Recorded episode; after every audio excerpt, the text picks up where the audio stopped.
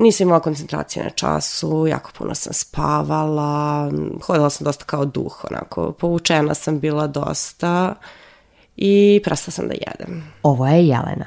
Zbog anoreksije je život bio ugrožen.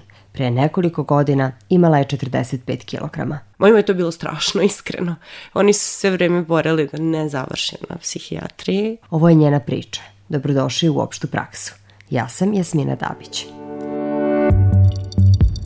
Nisam bila ono kako ljudi zamišljaju, što kaže američki gojazna, ali sam bila temeljita, kako moji vole da kažu. Polaskom u srednju školu Jelena odlučuje da smrša.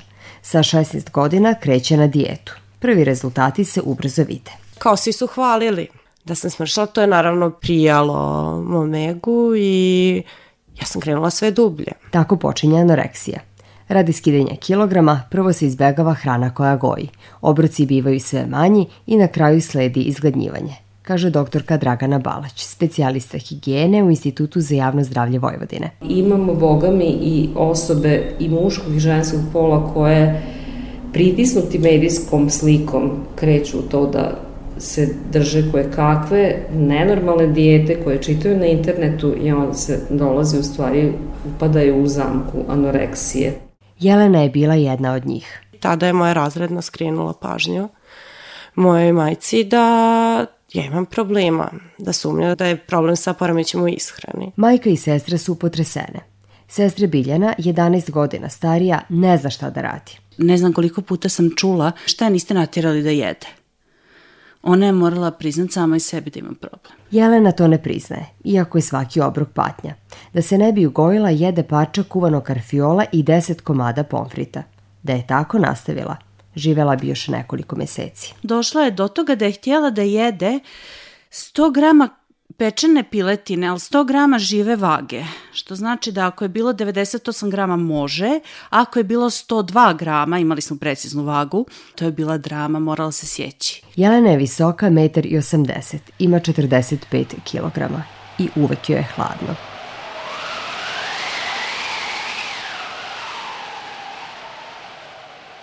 Sećam se tačno da sam uhvatila sestru, rasplakala se i rekla ja ću umreti od hladnoće. Često pada u nesvest. Povlači se u sebe. Nema snage za odlazak u školu, pa tri meseca izostaje. Izlazi samo ponekad sa sestrom u šetnju. Najčešće spava. Javlja se povećana maljavost tela, gubitak, odnosno izostanak ciklusa kod devojaka um, i na kraju može doći do otkazivanja srca. To potvrđuje doktorka Balać. U 25% slučajeva, znači to je četvrtina obolelih, završi smrtno. Jelena je na ivici smrti. Ni tada nije svesna u kom je stanju. Ja, na primjer, u ogledalu nisam videla, videla sam da sam okej okay, kao, Kada smo došli kod psihologa, pita je psiholog, je li tebi tvoja sestra lepa? Kaže, ona jeste, ali Jelena Biljana nije mršava. Kaže, znam, ali ona je meni dalje lepa. Kaže, ali ti ako nisi mršava, nisi lepa, nisam. Znači, potpuna, potpuna iskrivljena slika o sebi.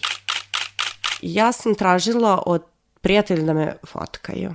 I tek na fotkama ja sam videla kad stojim pored njih koliko sam ja mršava. Ja sam bila svesna u tim trenucima toga, ali strah od onog poznatog bumerang efekta i toga što su svi pominjali kako ja moram da se ugojim i takve stvari su me strašile da idem napred. To je uobičajeno. Osoba koja pati od anoreksije sebe doživljava debelom koliko god imala kilograma. To je deo poremećaja, kaže doktorka Balać. Želudac se jako smanji, atrofira želudačna sluznica, atrofira crevna sluznica, znači oni ne mogu ni da prihvataju, čak i kad krenu da unose hranu, to se mora da bude jako postepeno. Zbog neunošenja važnih i hranjivih materija stradaju kosti. One su mnogo sklonije osteoporozi.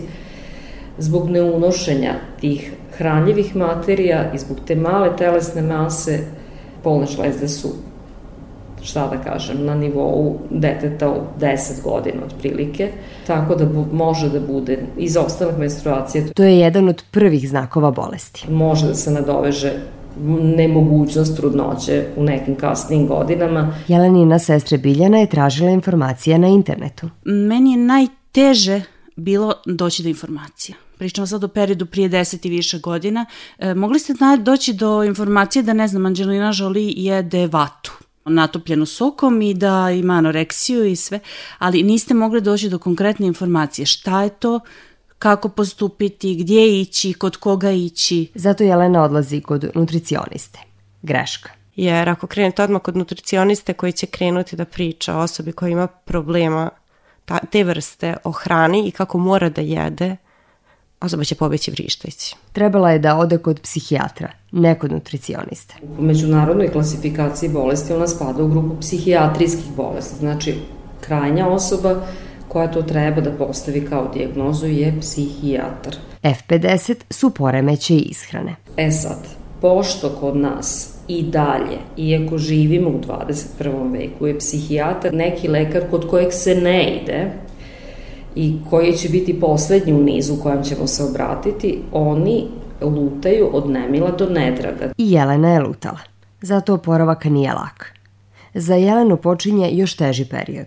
Bulimija. Ja sam prošla ceo krug jer sam svoje tijelo dovela do stanja da ne mogu da se pomerim i svega se užalelo i verovatno u tom trenutku je došlo do nekog prekida filma i počela sam da jedem, ali ogromne količine. I prestala sam da spavam inače u tom periodu, tu negde kad je prešla iz bulimije u kompulzivno prijedanje i doživjela sam dnevni slom i tražila da idem na psihijatriju. Priznala je. Konačno je priznala.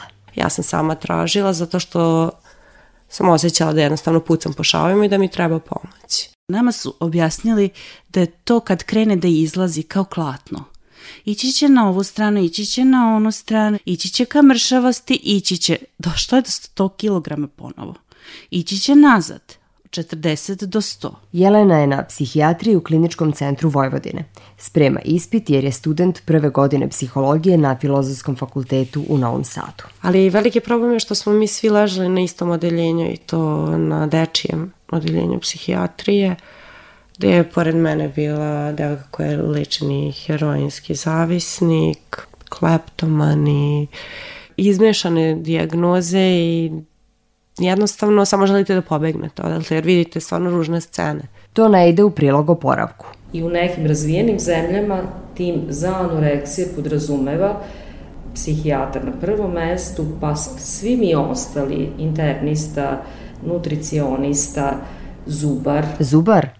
Zašto zubar? Jer jako imate velikih problema u ustima upravo zbog tog nejedenja, znači da nam nedostaje kalcijum, fluor, sve ostalo prejedanja pa povraćanja, znači opet karijesa koliko hoćete. To je ogroman tip koji treba da se bavi tom osobom koja je potonula u poremeće ishrane. Uzroci poremeće ishrane su složeni. Mogu biti posledice trume iz detinstva, mogu biti nasledni, doprinosi im i ovo naše vreme, u kojem je mršavost pojam lepote. To može da se leči, ali E, nekako čitajući stručnu literaturu, koliko god je dugo trajala bolest, toliko treba da traje izlečenje. Jelena se pet godina borila i pobedila. Pomogla joj je psihoterapija. Danas ona pomaže kao psiholog. U suštini ovaj, želja mi je velika bila da o, osnujem grupu podrške za osobe koje imaju uh, ovaj problem i da pokušam da napravim neki sistem van sistema. Znači da pružim informaciju ko bi u kom trenutku mogao da pomogne. To je priča Jelene Stojanović. Danas ima 26 godina. Živi u Novom Sadu. Radi, izlazi, šeta, povrmeno trenira. Vodi, rekli bismo, normalan život. Tako i izgleda. Ni mršava, ni punija, taman. Na sve ovo gleda kao na jednu životnu lekciju. Žao joj je zbog svega što je pričinjala mami, sestri i prijateljima. Oni su uz nju i danas, posebno sestra. Bez obzira koliko se osjećate sami, niste sami. Niste jedini, ima jako puno ljudi, jako puno porodica koje se bore s tim, isto tako puno, nažalost, koje žmire. Pomozite im, pričajte, ne osuđujte. Hvala na pažnji. Slušali ste opštu praksu. Za dizajn tona zadužen Zlatoje Čolović. Emisiju producirala Goranka Jednak Maksimović.